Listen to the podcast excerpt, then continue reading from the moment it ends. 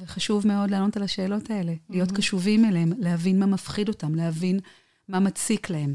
שיחה על, על פחד לא מובילה לחרדה. להפך, אם אני משוחח על מה שמטריד את הילד שלי, יש יותר סיכוי שהפחד יפחת. אנו מכריזים בזאת על הקמת רדיו BGU באוניברסיטת בן גוריון בנגב.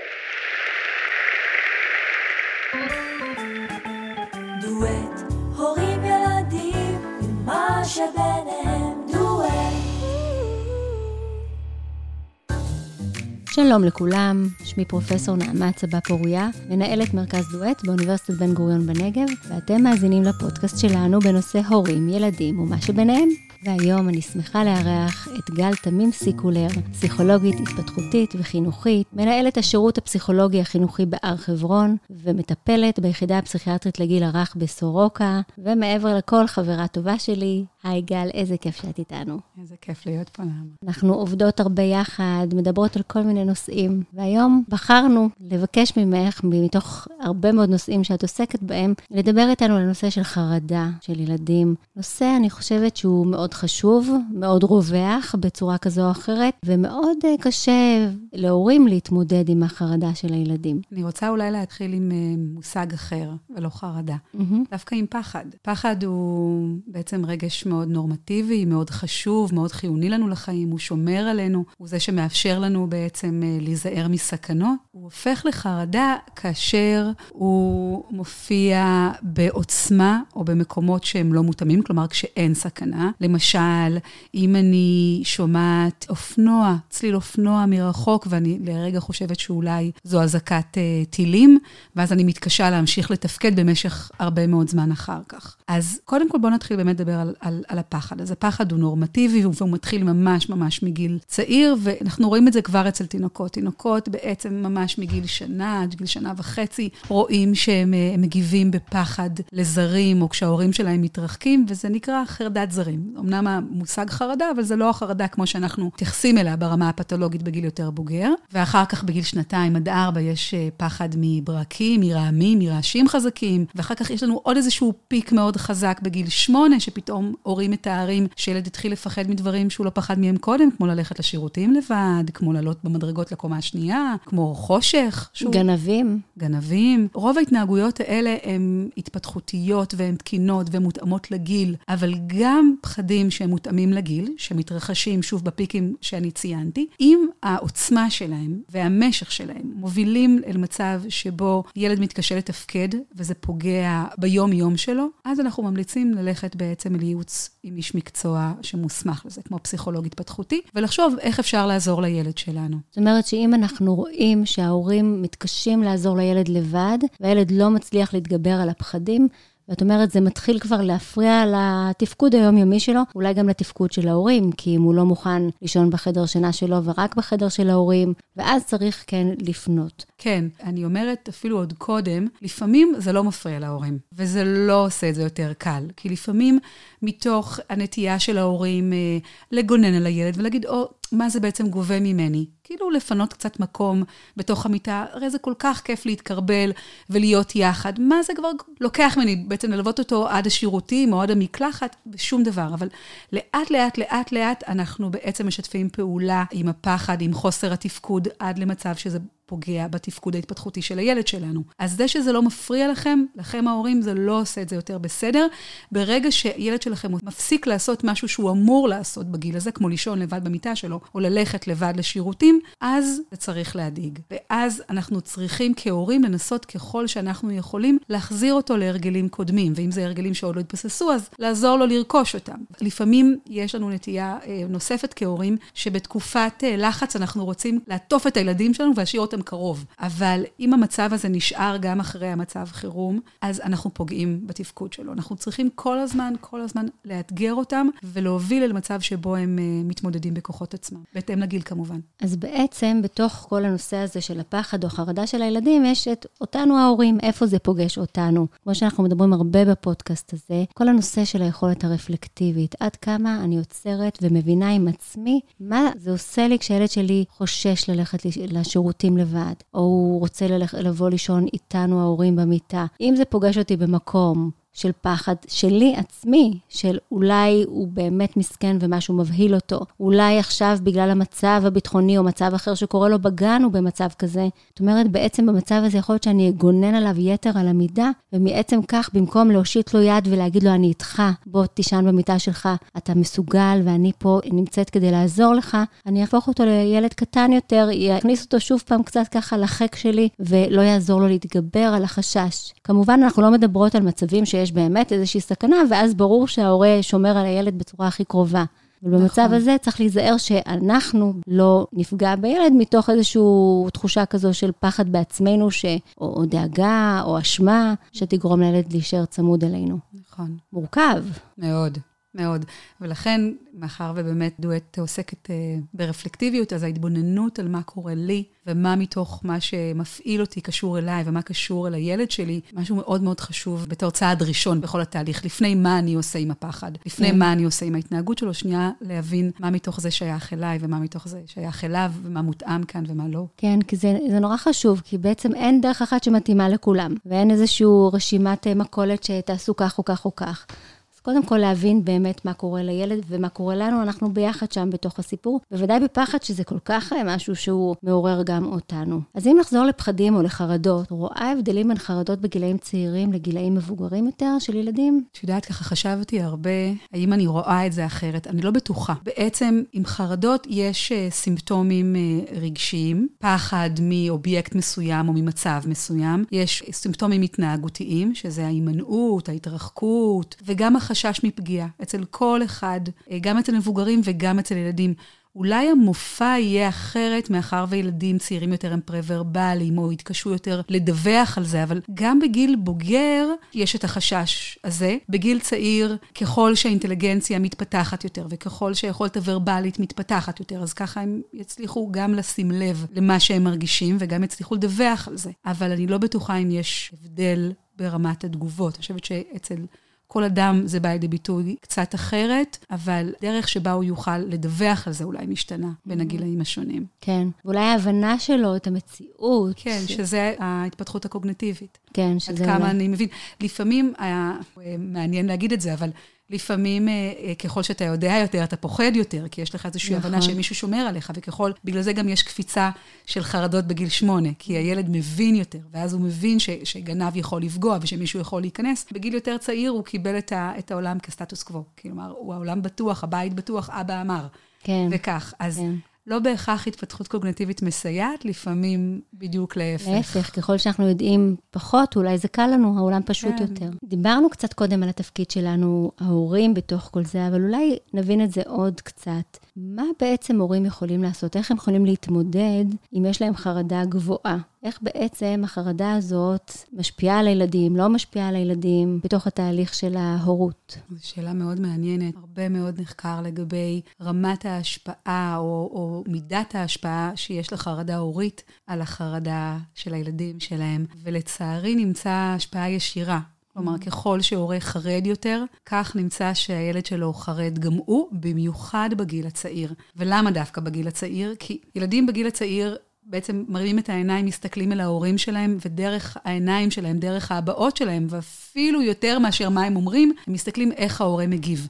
ולפי התגובה של ההורה, הוא אומר, אה, ah, המצב בטוח, האיש הזה בטוח, וככה הוא נרגע. אם הוא מרים את העיניים, מסתכל במצבי אי-ודאות או, או אי-בהירות, ורואה שההורה מאוד מפוחד, מאוד מבולבל, ואז בעקבות הבלבול גם אולי מגיב בצורה פחות מותאמת, פחות אה, משהו שככה ילד מכיר, זה מיד יוביל את הילד אה, להבין שהמצב מאוד מאוד מסוכן, ושזה מסוכן ישירות אליו, כלומר, משהו רע הולך לקרות לו. זה לא בהכרח המצב, אבל זה מה שהילד מבין. אם ההורה שלו דואג, מן הסתם משהו רע יקרה לו. וככל שבעצם הורה מצליח טוב יותר לווסת את עצמו, כולנו מרגישים פחד. אמרנו את זה כבר בהתחלה, זה מפחיד עבור כולם, אבל אם הורה מצליח לווסת את עצמו, עדיין לתפקד כהורה כפי שהילד שלו מכיר ויודע, ומצליח גם להגיב אל הילד בצורה מותאמת, אם זה ברמה הוורבלית שלה, להסביר מה קורה ומה הם הולכים לעשות. אנחנו הולכים כרגע ביחד למקלט, או שמענו כרגע בום מאוד גדול, ואנחנו תכף נלך לבדוק מה זה היה בחוץ. לא בהכרח uh, סיכון ביטחוני, גם דברים קטנים מאוד מבהילים ילד. אז אם ההורה מגיב בצורה מבוסתת, אז הילד יגיב בצורה טובה יותר. כי הוא יבין שההורה עדיין שומר עליו, ההורה בודק, ההורה חושב בשבילו, ההורה שומר עליו, ואז הילד יירגע. אם הילד יבין שהוא בטוח, גם אם קרה משהו גדול, אפילו נפילת טיל בחוץ, אבל אם בסוף ההורה יארגן את זה עבורו, הן ברמה הוורבלית והן ברמה הרגשית, מ- מרמת ליטוף ועד רמת איסוף על חיבוק, אז הילד יירגע מהר יותר וטוב יותר. כי הילד בעצם רואה, את אמרת, את המציאות דרך העיניים של ההורים שלו, ואם ההורה נשאר עדיין חזק, אז יחסית הוא בטוח. ואם נראה שההורה מתפרק בחרדה גדולה, באיזושהי היסטריה, הילד מבין שבאמת המצב קשה ומפחיד, וגם שאין לו כל כך על מי לסמוך, כי ההורה שלו כבר לא חזק כל כך. אז בעצם כהורים, גם אנחנו עם הרגשות השונים, צריכים ללמוד אולי איך לווסת את עצמנו, וכשאני נמצאת לבד עם אה, בן הזוג שלי או עם חברות שלי, אני יכולה להביע את התחושות שלי גם של פחד אולי בצורה מלאה, אבל כשאני בתפקיד של אימא, ואני יודעת שמסתכלים עליי, אז אני צריכה לראות איך לווסת עצמי כדי להראות בעצם לילדים שאני עדיין בתפקיד ואני שומרת עליהם. לגמרי. זה אתגר לא פשוט, ואני חושבת שהרבה פעמים אמרת, כשאני עם חברות שלי או כשאני עם בן הזוג שלי, אני יכולה ככה להביע. לפעמים אנחנו עושים את זה כאשר ילדים עדיין בבית. ואנחנו בטוחים, אה, הוא עסוק עם חברים, או שרגע מאוד מאוד עסוק בתוך משחק, ואנחנו לא שמים לב שהוא מקשיב לשיחה. אנחנו לא שמים לב שהוא ממש איתנו וסביבנו, ואז הוא מוטרד מזה. ואז הוא גם מוטרד מהפער בין מה שסיפרת לו בהתחלה לבין מה שהוא שומע עכשיו. והוא מבין שאולי מה שאמרת לו לא היה נכון, וזה מדאיג אותו אפילו יותר מאשר הבום הגדול שהיה. בחוץ. כי אם אימא שלו בעצם סיפרה לו, או אבא שלו סיפר לו משהו לא נכון, אז איך הוא יכול לסמוך עליו עוד פעם? ולכן מאוד חשוב לשים לב לזה שהילדים סביבנו ואיתנו. אז אולי נבחין בין להמציא משהו או לא לומר את האמת, לבין לדבר בצורה שהיא יותר מתונה, אביסות. להגיד לילד, אני קצת פוחדת. וגם בגלל המצב הקשה עכשיו, או אני קצת דואגת, לעומת זה שאני יכולה להגיד לאחרים המבוגרים סביבי, אני ממש ממש חוששת מהמצב, וכן הלאה. יש משהו במקום הזה שהילד מבין שאימא מרגישה, ויש את האותנטיות שעליה את מדברת, שהיא כל כך חשובה, להיות אמיתית, אבל עדיין במקום כזה שהילד יכול להרגיש שאנחנו בשליטה. לגמרי, ואני אוסיף על זה ככה, דיברת על אה, בין הלשקר לבין להגיד. אני חושבת שגם המילים צריכות להיות מאוד מותאמות ברמה ההתפתחותית, כי ילד בן שלוש צריך לשמוע מסר מאוד קצר, לא הרבה מלל, ש... שמתייחס לזה שמשהו קרה. יש לנו לפעמים כהורים איזושהי משאלה להעלים את הפחדים האלה מהעולם שלהם ולהגיד, כלום לא קרה, כלום לא קרה, זהו, הכל בסדר, הכל בסדר, אבל בעצם קרה משהו. לא קרה שום דבר, בדיוק. המשפט הזה. קרה משהו, וחשוב שילד ידע שקרה משהו, אבל מה קרה? אם זה ברמה של תאונת דרכים, שיכולה לקרות חס וחלילה, שבו מישהו נכנס במישהו ולהגיד, לא שמנו לב, הרכב קיבל מכה, אבל בוא נסתכל על הרכב, רק הרכב קיבל מכה. אני בסדר, אתה בסדר. אנחנו נלך לסבתא, כי שם התכוונו לנסוע, או עכשיו נלך לסבתא וסבתא תהיה איתנו. להסביר מה הולך לקרות, אבל שוב, מאוד מאוד קצר, בהשוואה לילד בן 10 או 11 שכבר ירצה קצת יותר מידע, וגם אז אנחנו מאוד נשתדל לא להציף במידע לא גרפי, לא תיאורי מדי, וגם אם אני חושבת על, על מצב ביטחוני, אז לא לחשוף את הילדים שלנו אל המדיה. לא במדיות החברתיות בטלפון, אז מאוד לשים לב למה הם צופים, וגם לא בטלוויזיה שבתקופת uh, מבצעים היא דלוקה כזה 24/7, ואנחנו לא שמים לב כמה שזה מציף את הילדים, אבל גם ממש ממש מציף אותנו, mm-hmm. וגם אפילו ברדיו. הרדיו, כאשר אנחנו נוסעים ברכב, אנחנו לא שמים לב, טוב, אני רק אקשיב ל... אבל הילדים יחד איתנו והם מקשיבים. ובמקום להגן על הילדים, אנחנו חושפים אותם באופן כמעט ישיר למציאות. בעצם יש לנו אפשרות להגן עליהם מעצם זה שלא נחשוף אותם. אולי באמת נדבר עוד קצת על איך הורים יכולים לסייע לילדים במצבי חרדה. איך אנחנו יכולים להפחית את מצבי החרדה שלהם, או כאשר אני רואה שהילד שלי דואג מאוד, אה, חרד, מה אני יכולה לומר, מה אני יכולה לעשות כדי לחזק אותו? אז נתחיל באמת עם מה אני יכולה לעשות עוד כדי למנוע חרדה. אז דיברנו קודם לכן על, על הפחתת אמצעי תקשורת, זה ממש חשוב, וגם עבורנו בתור מבוגרים. אנחנו לא שמים לב, אבל צריכה מרובה מדי של אמצעי תקשורת מציפה גם אותנו רגשית, ואז גם דיברנו על הקשר בין ההצפה הרגשית שלנו ואיך זה משפיע על הילדים שלנו. ילדים שלנו לא צריכים להיות לא בתוך אה, הרדיו, לא בתוך הטלוויזיה ולא בשום דרך אחרת. עדיף שהם אה, ישמעו דברים דרכנו בצורה מעובדת, וזה גם מאפשר להם לשאול שאלות. וחשוב מאוד לענות על השאלות האלה, להיות mm-hmm. קשובים אליהם, להבין מה מפחיד אותם, להבין מה מציק להם. שיחה על, על פחד לא מובילה לחרדה. להפך, אם אני משוחח על מה שמטריד את הילד שלי, יש יותר סיכוי שהפחד יפחת, לא תתפתח חרדה. דבר נוסף... כי בעצם, אולי אם, אם אני אתייחס לנקודה כן. הזאת, כי בעצם אז הילד מבין שאימא או אבא איתו, שאנחנו מבינים אותו, ובגלל זה הוא לא לבד בתוך הפחד הזה. כן, גם, גם זה, וגם הרבה פעמים התסריט או המחשבה שיש לילד צעיר בראש היא הרבה יותר גרועה מאשר המציאות. ולכן כדאי לתת, אה, שוב, אה, מידע מותאם, מותאם התפתחותית, ולענות על שאלות. ובאמת לאפשר להם להביע בצורה ורבלית את מה שמטריד אותם. Mm-hmm. זה יוצר באמת את חוויית היחד הזו, שככה אתם מדברים עליה הרבה, כאן בדואט. אז דיברנו על, על הפחתת חשיפה למדיה, ושיח ישיר, ושיח מותאם התפתחותית, וגם להכין, אם אנחנו יודעים שאנחנו בתקופה שהיא תקופה, חששות ברמה הביטחונית, או הכנות ברמה הביטחונית, אז חשוב להתכונן לזה. כלומר, להגיד, אנחנו נישן היום בממ"ד, בואו נחשוב מה יאפשר לנו אה, להרגיש טוב יותר בתוך הממ"ד, מה יאפשר לך, איפה אני אשן, איפה אתה תישן, מידע שבעצם יקנה לו רוגע וביטחון.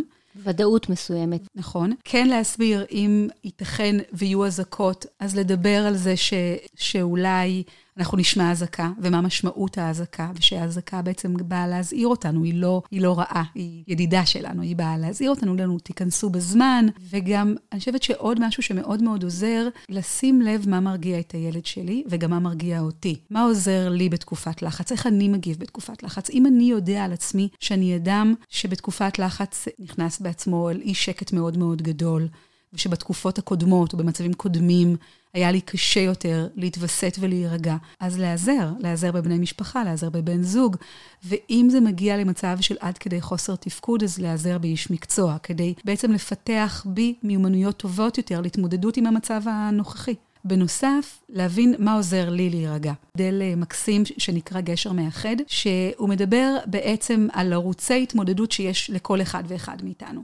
למשל, יש אנשים שבשעת מתח או, או לחץ יפנו לערוץ הגוף. הם צריכים לזוז, לרוץ, לטייל, לנקות, ואז המתח מתפוגג טוב יותר. יש אנשים אחרים שזקוקים למידע, הם, הם צריכים את ערוץ השכל. הם אומרים, ככל שאני מבין מידע, שוב, לא עד רמת הצפה, אז אני יודע איך להתכונן, וכשאני יודע איך להתכונן, אני נרגע. ויש אנשים שזקוקים לחברה סביבם, ויש אנשים שזקוקים אל, אל חיבור למשפחה, או הם גולשים בדמיון או בהומור, ויש כאלה שחוברים לסט האמונות שלהם, שהם הולכים לתפילה, או לאמונה בזה שיש משהו גדול יותר. לכל אחד מאיתנו יש ערוץ דומיננטי יותר, שאליו הוא פונה. אז חשוב שאני אכיר על עצמי. מה עוזר לי? ובאותה מידה, באותה נשימה, גם להתבונן על הילד שלי. Mm-hmm. מה עוזר לילד שלי? האם הילד שלי מאוד זקוק אל קרבה ולמגע? האם קפיצות וריקודים עוזרים לו? האם אה, סיפורים ושיר ודמיון עוזרים לו? האם תפילה משותפת עוזרת לו? מה עוזר לילד שלי? כשאני חושב אותו, אני מצליח טוב יותר להתכונן יחד איתו ולעזור לו בשעת הצורך. אני יודעת שאת עובדת הרבה עם חרדה מבעלי חיים. גם. כן. מכלבים. כן. ובכלל, כל הטיפול שלך באמצעות אה, כלבים, הכלב כמטפל שותף. אז אולי תוכלי לומר לנו קצת על הנושא הזה של חרדה מבעלי חיים, ואולי מה העקרונות הבסיסיים שהורים יכולים ללמוד, איך לעזור לילדים שלהם, שלא לומר אולי שגם להם יש קצת את זה על הדרך. זה בדיוק מה שבאתי להגיד. כאשר הורים מספרים לי על חרדה של ילד uh, מבעל חיים, אני שואלת אותם תמיד, ומה הרגשות שלכם לגבי התמודדות עם בעלי חיים? הרבה פעמים אחד מההורה אומר, אני עצמי חושש, או אין לי בעיה ליטוף, אבל מרחוק, ושרק לא יתקרבו. אני מאוד בעד שככה יהיה לו בעל חיים, אבל שלא ייגע בי. ואז אני מסבירה שכמו שדיברנו, שחרדה הורית משפיעה על חרדה ילדית, וזה עובר. אי אפשר לעבוד על חרדה של ילד כשההורה עצמו בחרדה מאוד גדולה. מבעל חיים. אני הרבה פעמים מציעה אולי להתחיל לעבוד עם ההורה. אולי אם ההורה יצליח טוב יותר להתמודד עם החשש שלו, הוא יצליח גם ללוות את הילד שלו עם החשש. אנחנו מדברים הרבה פעמים על זה שאנחנו לא היינו רוצים, בעצם למה לעבוד על חרדה עם, עם, עם מכלבים או מכל בעל חיים אחר? בשביל מה צריך. זאת אומרת, אפשר גם בלי זה כן, אולי. כן, אפשר גם לחיות עם כן. זה, אבל הרבה פעמים הורים באים כי הם אומרים, אנחנו רוצים שיהיה לילד שלנו חיים מלאים, שהוא יוכל ללכת לחברים גם כשיש שם בעל חיים. אנחנו רוצים שהוא ילך לפארק ושהוא לא ייבהל ולא יצרח כאשר יש שם בעלי חיים. אנחנו רוצים ששום דבר לא יחסום אותו. ואותו דבר אני רוצה עבור ההורים עצמם, ששום דבר לא יחסום אותם מלהתמודד ולחוות חוויות מלאות. ואז אנחנו עושים ביחד, אנחנו בונים ביחד תוכנית טיפולית שהם שותפים מלאים בה, שבה אנחנו עושים חשיפה הדרגתית, בהתחלה רק בדמיון לבעל חיים, אפילו לשמוע את הצליל, את הנביחה של הכלב, ורק בצורה הדרגתית כשהם שמים את המטרות ביחד. הם אומרים, עם זה אני יכול להתמודד. אנחנו מעין יוצרים אה, סולם חשיפה הדרגתי, כל פעם עולים יחד, אבל הדגש הוא ביחד. עולים עוד מדרגה בסולם, ו- ואז הילד וגם ההורים מגלים שהם יכולים, וזה גם משליך על דברים אחרים, שהם יכולים גם בדברים אחרים, מהתמודדות עם בדיקות רפואיות ועד אה, אה, לעלות על סולם יותר גבוה בפארק אתגרים, כי להתמודד עם משהו שמפחיד אותי, אבל לא מסכן אותי, זה חשוב לחיים. ככה גדלים. כן. ואין דרך לגדול יותר טוב ולהתמודד עם הקשיים שלנו, אם זה לא דרך הילדים שלנו. כי בשבילם אנחנו נעשה את זה ונבוא לטיפול. נכון. אבל אולי לעצמנו קצת פחות. אוקיי, אז אנחנו נעבור עכשיו לשאלות. באופן מעניין, אנחנו בתקופה ביטחונית כזו, שזה עתה סיימנו את מבצע שומר חומות, mm-hmm. ויש עוררות, אני חושבת, הרבה יותר גדולה לנושא הביטחוני. ולחרדות שקשורות לנושא הביטחוני. אז השאלות, אני חושבת שרובן עוסקות בזה, שזה ככה מעלה שאלה האם חרדות אחרות אה, נמצאות בצל החרדה הביטחונית, או שמתווספות אליה, או שנעלמו אולי. אז בואי ככה נחשוב את זה. אז רוני שואלת, היא אומרת, מה אפשר לעשות ברגע שיש התקף חרדה? למשל, במהלך המבצע האחרון שמענו אזעקה, והבת שלי לא הצליחה לזוז מרוב פחד. היא ממש קפאה ורעדה. מאז היא מדברת הרבה על אזעקות ונדרכת מכל צליל. האם יש משהו שיכולתי לעשות באותו הרגע כדי להרגיע את החרדה שלה? זו שאלה ממש מצוינת של רוני. כרגע הקראת אותה, אז חשבתי, מעניין איפה, איפה האזעקה תפסה אותם. אם זה היה, נגיד, ברחוב, אז אני יכולה ממש להבין את, ה, את הפחד בצורה הרבה יותר חזקה, בטח אחרי, גם, גם אחרי תקופה. כי הן היו חשופות באופן... כי הן היו חשופות, אבל גם זה לא היה המקום המוכר mm. של הילדה. אם זה היה המרחב הבטוח, אז בעצם מה אנחנו יכולים להגיד כהורים? להגיד, את זוכרת, זה החדר המוגן שלנו, גם אם זה לא ממ"ד וזה חדר מדרגות. זה המקום הבטוח שלנו, ואת, ואת בטוחה כאן. הדגש הוא שוב ושוב ושוב להגיד, את בטוחה. ואני שומרת עלייך, ואבא שומר עלייך. וזה המקום שבו אנחנו יכולים לשמור על עצמנו. תוך כדי האזעקה, לנסות לחשוב מהו הערוץ שמרגיע את הילדה שלך. אם זה באמת גוף, אז לאסוף, לחבק, ללטף. אם זה שכל, אז לתת מידע. אז את זוכרת, האזעקה נמשכת איקס שניות, כי זה נורא תלוי איפה אתם גרים, כי זה יכול להיות 15 וזה יכול להיות 45, איקס שניות, והיא תכף תסתיים. את זוכרת שהאזעקה נועדה כדי, כדי שאנחנו ניכנס לכאן בזמן, ואנחנו נכנסנו בזמן, ואנחנו כאן ביחד. למשל, אם הגוף רועד, אז אפשר להגיד, את יודעת שהגוף רועד כדי לשחרר את המתח. זה הדרך שלו בעצם לשחרר את המתח החוצה, ואחר כך אני ואת נרקוד את זה. פשוט נרקוד, אנחנו נזיז את הגוף, ואז כל המתח יתנדף החוצה. שזו שיטה נהדרת, אחרי אזעקה לשים מוזיקה, וכל המשפחה לרקוד ולשחרר את הסטרס. אם, אם זה הערוץ של הילד. שמתאים להם. כן, ילד שמאוד... למשל, ילד שמאוד זקוק למשפחה, אז עצם היחד, ה-togetherness של המשפחה מאוד מסייע לו. ואם זה מערכת אמונות, אז פללו ביחד.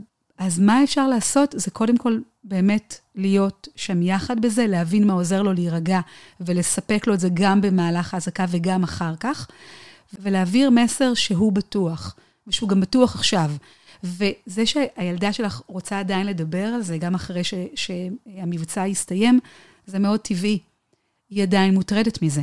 וילד ששואל שאלות, זה ילד שבסופו של דבר נרגע. לא כדאי בעצם לבטל את זה ולהגיד, זהו, נגמר, אין, מספיק, אל תדבר על זה, כי זה משאיר אותו מאוד בודד עם המחשבות, עם הפחדים, עם התהיות. כדאי לענות, ועדיין להגיד, אתה בטוח, ואתה כאן, ואתה חוזר לבית ספר, ואתה בגן, ואנחנו כאן יחד איתך. המסר העיקרי, שוב ושוב אני אומרת את זה, זה הביטחון, וחשוב מאוד שגם אם הילד מצמצם התנהגויות, וככה פתאום הילדה מסרבת להיכנס לבד לשירותים, לא בעצם, לא לשתף עם זה פעולה. אני לא אומרת, שאל תלכו איתה, אבל גם, אבל גם לא ללכת איתה באופן תמידי, אלא להגיד, את בטוחה, כלום לא יקרה. הנה, אני נמצאת באיזשהו מרחק ואת רואה אותי. וכל יום לעשות כמה צעדים אחורה ולהגדיל את המרחק, ואפשר עדיין שככה היא תשמע אותך מהשירותים, אבל את רוצה בעצם לעזור לה לחזור לתפקוד קודם ולעצמאות. לרכוש אמון שוב בביטחון. שלה בעצמה גם. כן. לא כן. רק בעולם, גם, גם לזה שהיא מסוגלת. Mm-hmm. ואולי אני אוסיף ככה לרוני, שבעצם השאלה שלה, אני חושבת, היא מעלה את זה של מה אני יכולה לעשות כדי להגן על הילדה שלי שלא יהיה לה קשה. ואולי גם לקבל את זה שיש מצבים בחיים שאנחנו לא יכולים למנוע את הכאב ולא יכולים למנוע את הבהלה, אנחנו יכולים אולי למתן אותה קצת, ולתת את התחושה הכי חשובה של אני איתך פה ביחד, אנחנו כולנו פה ביחד. ובאמת, המציאות יכולה להיות לפעמים קשה, אבל לאחר מעשה, כאשר הילדה מדברת שוב ושוב, אפשר גם לחזור ולספר איתה את הסיפור. סיפור. של מה היה לנו, והאזעקה איך היא הבילה אותנו, ורצנו לממ"ד, ולא יודעת, את לא יודעת מה קרה, ונבהלת מאוד, וגם אני לא הייתי בטוחה, אבל היינו ביחד. ממש לבנות איזשהו סיפור שעוסק במה קרה לי רגשית, ומה קרה לך רגשית, וככה, מה עברנו, ואיך אנחנו ביחד נמצאות כל הזמן, הביחד הזה. שעכשיו אנחנו כאן ביחד, בטוחות. בטוחות, נכון. במיוחד במצבים שבהם, למשל, אני חושבת על, על עוטף עזה, שהמציאות שלהם היא לאורך זמן. גם בתוך, אמ, בתוך המצב הביטחוני הסוער יותר שיש בעוטף עזה, יש גם איים של בטיחות, ויש גם דברים שאני יודע לעשות כילד כדי לשמור על עצמי. למשל, כשיש אזעקה, מה אני יודע לעשות? כשיש אזעקה, מה אני כאימא יודעת לעשות? כשאנחנו חוזרות כל אחת מאיתנו, גם הילדים וגם ההורים, למה אני יכול לעשות כדי לשמור על עצמי, זה יוצר חוסן. Mm-hmm. כי אני לא חסר אונים. אני יודע לעשות משהו כדי לשמור על עצמי. ואז זה יכול לבוא לידי ביטוי למשל במשחק, הילדים שלוקחים את המכוניות ומשמיעים אזעקות, ו... או הם אלה שמודיעים מתי יש אזעקה, וכולם צריכים במשחק לפעול לפי ההחלטה שלהם. כך שאנחנו רואים משחק שעוסק בתכנים המאוד מאוד מפחידים, כי זה כעוד דרך לעיבוד של המצב. למשל, היו אה, ילדים שהיו אחראים על החיה הביתית. בבית, שהם היו, הם היו אחראים להכניס אותה אל הממ"ד. ועצם זה שהם היו אחראים על מישהו אחר, כבר נתן להם איזושהי תזוזה. מקסים. מה, מהפחד שלהם. נתן להם תפקיד בעצם, היה להם כוח. תפקיד והיה להם משמעות. כן. היה להם משמעות. הם יכלו לעשות משהו, משהו למען עצמם ומשהו למען האחר. אוקיי, okay, יש לנו עוד שאלה מדפנה, והיא אומרת, אני גרה באזור העוטף כבר כמה שנים. עד עכשיו, בכל פעם שהייתה הסלמה, הייתי מנסה כל מיני שיטות להרגעת החרדה. להסיח את הדעת, לייצר מרחב נעים, לפרוק את המתח באמצעות תנועה ועוד כל מיני דרכים. אבל השיטות האלה כבר לא עובדות. אני חושבת שזה קשור לכך שהילדה שלי כבר גדלה והתחילה את גיל ההתבגרות, ועכשיו עולות שאלות קיומיות יותר. למה הם עושים לנו את זה? או למה אנחנו חיים כאן? אני מרגישה שההתמודדות שונה מפעם. איך אפשר לעזור למתבגרים ששואלים שאלות מהותיות ומורכבות על המצב הביטחוני? בעצם על מצב החיים הכל כך מסובך שלנו פה. לגמרי, זו שאלה כל כך חשובה, דפנה, ותודה עליה. אני לא בטוחה שיש לי עליה תשובה. כי בעצם, מה שהבת שלך מבקשת ממך, זה, זה להבין מה את חושבת כאימא. וזה יכול להשתנות מבית לבית, לכל בית יש סט אמונות שונה. שבי איתה לשיחה, שתפי אותה. תספרי לה באמת למה אתם גרים שם. למה אתם נשארים? למה זה הבית שלכם? למה כל כך חשוב לכם הבית הזה? וגם תשמעי אותה, עד כמה הבית הזה חשוב גם לה. תשתפי אותה לגבי העמדות שלך לגבי הקונפליקט הביטחוני, ותשאלי אותה מה העמדה שלה. בעצם הבת שלך כרגע נמצאת בגיל שבו היא לומדת את העולם, כמו שכשהיא הייתה קטנה, אבל קצת אחרת, ודרך הלמידה הזו מבססת את ההבנה שלה ואת הזהות שלה ואת התפיסה שלה לגבי העולם. והיא יכולה לעשות את זה רק אם, אם את תשוחחי איתה. אז תעשי כוס קפה, ושבו ביחד לשיחה. שזה מקסים, זה מראה לנו קצת את התהליך ההתבגרות, מה אפשר לעשות עם ילדים גדולים יותר, עם נערים ונערות. ממש. לעומת ילדים צעירים.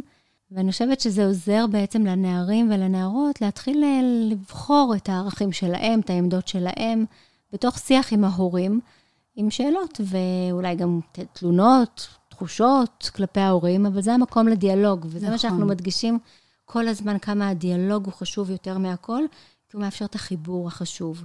ואולי עוד מחשבה שלי עולה על הבת של דפנה, זה שכשהיא אומרת, למה אנחנו חיים כאן? למה הם עושים לנו את זה? זה, זה כמו הילדה הקטנה שאומרת, אוף, אני לא רוצה את זה יותר, זה מעצבן אותי וזה מכעיס אותי. ואולי גם היא צריכה את המקום הזה, שאת לא תיבהלי מהמילים שלה, ולא תיקחי אותם כפשוטו עד כדי כך, אלא אולי לנסות ולחשוב למה היא אומרת את זה. אולי היא אומרת, אמא, אני פוחדת. אמא, התעייפתי כבר מהמצב הזה, אמא, אני רוצה חיבוק, אני רוצה את, ה, את הביחד הזה, כי אני צריכה אותך, למרות שאני כבר בת 14, בת 16, כן גיל לקשר הזה ולביטחון הקרוב. והשאלה, כמו שככה גל, את אמרת, מי זאת הילדה ומי זאת האימא, ורק את מכירה אותה, זה ככה מכניס למקום הורי מורכב. כי אולי בעצם מה שדפנה אומרת, כשהיא הייתה קטנה, יכלתי עוד קצת לבנות לה את המציאות. להגיד לה, הנה, זה בסדר, אנחנו ביחד, הכל יעבור וזהו. ועכשיו היא מבינה שאנחנו לא שולטים בהרבה דברים, ואז זה מסובך. אבל אני חושבת שכמו שבגיל צעיר צבענו להם את העולם בצבעים קצת יותר בהירים, בגיל ההתבגרות אנחנו עוזרים להם לבנות אותו. דרך עיניים מציאותיות יותר, אבל לא מפחידות יותר. אני חושבת שזה עוזר גם לילדים וגם להורים להתמודד בצורה יותר אמיצה עם, אה, עם התהליך. גיל ההתבגרות הוא לחלוטין אתגר, אבל אני חושבת שכל גיל מביא את האתגר שלו. אבל יש משהו מאוד מאוד מחזק בשיח הזה. זה עוזר גם להורה לפעמים לאבד מחדש ולחשוב מחדש על תפיסות שלפעמים היו אה, אה, סטטוס קוו, כלומר, היו מאז ומתמיד, ועכשיו ילד מעלה אותם כן. לתהייה משותפת בעצם. ואני הייתי מציעה לחשוב פה, מצב שדיברנו עליו לפני כמה פודקאסטים, אני חושבת שבפודקאסט של דוקטור גל מאירי דיברנו על שתי הידיים בגידול הילדים. מצד אחד יש לנו את היד שמשרטטת את גבולות המציאות, ומהצד השני יש לנו את היד העוטפת, המתקפת, המכילה.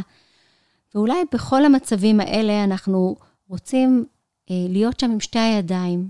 אז להגיד לילדים, ולא משנה באיזה גיל הם, אני יודעת שהמצב הזה לא פשוט, אני יודעת שכבר התעייפת, אני יודעת שזה מפחיד, גם לי קצת מפחיד, גם אני התעייפתי. שזו היד המתקפת, המכילה, ולצד זה להגיד, אבל אין מה לעשות. זו המציאות שלנו, כי זה הקבלה גם של המציאות. זו המציאות שלנו. כשיש אזעקה אנחנו נכנסים למקלט, פה אנחנו בטוחים, יש יד של מציאות נוכחת, ברורה גם יותר, ובתוך זה מתמודדים. ויכול להיות שבגיל ההתבגרות, מה שאנחנו נוסיף, כפי שהתייחסנו קודם, זה גם את, האחר, את הערכים של, יד, של היד שמסרטטת את גבולות המציאות. זאת אומרת שבגיל הצעיר לא הייתי עושה את זה, אבל בגיל המבוגר יותר, פה בחרנו לגור. זה הבית שלנו, כאן אנחנו רוצים, וכל אחד עם הנרטיב שלו, עם האמונות שלו, עם הערכים שלו, לחשוב מה אני רוצה להגיד לילדים שלי, שיבינו למה המציאות הזאת היא המציאות שלנו, ולמה גם חשוב לנו להישאר בה במידה מסוימת. אה, וביחד, אני מבינה את המצב הרגשי, ולצד זה יש את המציאות הנוכחת. ביחד שתי הידיים האלה עוזרות מאוד מאוד להמשיך אה, להתמודד עם המורכבות של החיים. והשאלה האחרונה שלנו, של עידו, האם חרדות אצל ילדים יכולות לבוא לידי ביטוי לא רק בקשר לגורם המפחיד? למשל, הבן שלי בכיתה א', ולאחר הסבב האחרון של הלחימה מעזה, הוא לא מפסיק לדבר על האזעקות, וזה מאוד נוכח בבית שלנו. במקביל, הוא גם הפסיק להיפגש עם חברים, ומעדיף לשחק לבד בחדר, ובאופן כללי הוא מראה ככה חרדה בכלל ממפגשים. איך אני יכול לעזור לו? שאלה מצוינת של עידו. חלק מהמרכיבים הרגשיים וגם ההתנהגותיים של חרדה זה באמת הימנעות, אבל צריך אולי קצת להבין יותר למה דווקא ממפגשים חברתיים, כי בעצם, כמו שעידו אה, כתב, זה לא, זה לא בהקשר של, ה, של הגורם המאיים. אז כדאי קצת לברר יותר, קצת לשוחח עם הילד עצמו ולהבין מה מקשה עליו, מה מפריע לו בתוך מפגש חברתי עם ילדים. לבדוק שנייה גם עם עצמנו, האם היה איזשהו טריגר קודם, או האם היה קושי סביב אה, מפגשים חברתיים קודם לכן. אם מדובר בילד חברותי מאוד, שקודם לכן נפגש בצורה שוטפת עם ילדים, ועכשיו יש שינוי מאוד קיצוני, אז שינוי כזה הוא, הוא, הוא נורמטיבי אה, מרמת ימים ועד אה, חודש אחרי אירוע. אם זה נמשך מעבר לזה, זה כבר, זה כבר הופך להיות הרבה יותר אקוטי, ואז הייתי בודקת היכן עוד יש אה, אלמנטים הימנותיים, והייתי נעזרת באיש מקצוע. אבל הייתי מתחילה קודם כל בשיחה איתו, ושיחה עם המחנכת שלו, ולנסות שנייה להבין האם זה מתמקד רק בהקשר החברתי או מעבר לזה, והאם קרה משהו בהקשר החברתי. כי ילד לא נמנע ממפגש עם חברים ככה סתם. בדרך כלל המערך החברתי הוא, המחזק, הוא גורם חוסן והוא לא גורם אה, חרדה. אז אה, כדאי לבדוק את זה יותר לעומק. כן, ויכול להיות שאם אה, נשאל אותו, ננסה להבין מה קורה לו, למה הוא לא רוצה להיות עם החברים, נבין שזה דברים שבכלל לא קשורים אולי ספציפית לחברים, כמו למשל בגילי בית ספר. אולי מביך אותו לבוא עם ההורה להיות עם חברים, כי זה כבר לא מקובל. אבל באמת בעקבות האזעקות הוא רוצה להיות קרוב להורים עד שהוא יוכל להיות בטוח שכבר אין אזעקות יותר. אז יש כל מיני דברים שכדאי להבין שהם נמצאים שם ברקע אולי. אוקיי, okay, נראה לי שהיינו יכולות להמשיך לדבר עוד הרבה על הנושא הזה, יש הרבה מאוד uh, תחומים שקשורים לחרדות, וכמו שאמרנו, זה נמצא בתוכנו, אצל כולנו. Uh, מעורר הרבה הרבה תחושות של איך אנחנו יכולים לשמור על הילדים שלנו. זה הרי המקום המנוגד וההפוך להגנה שאנחנו רוצים לתת, החרדה הזו שאנחנו לא תמיד יכולים להגן עליהם. אה, ואולי מה שאני ככה קיבלתי מאוד מהשיחה הזאת, זה דווקא את המקום הכל כך חשוב שלנו כהורים, ההזדמנות שיש לנו כשהילדים אה, פוחדים או חרדים, לראות בזה כהזדמנות לחזק אותם ולאפשר להם לגדול מתוך זה. אבל בראש ובראשונה, כדי שנוכל להיות פנויים לזה, אנחנו צריכים להבין שלנו יש כוחות. אז שאנחנו לא בעצם משותקים מהחרדה שלנו או מהפחדים שלנו, ואחרי שאנחנו יודעים שאנחנו משוחררים מזה, נוכל לעזור גם לילדים שלנו. לגמרי. אז תודה רבה, גל. מאוד מאוד שמחתי לארח אותך כאן. שמחתי להיות כאן. ואת הפרק הזה הקלטנו בתחנת הרדיו של אוניברסיטת בן גוריון בנגב.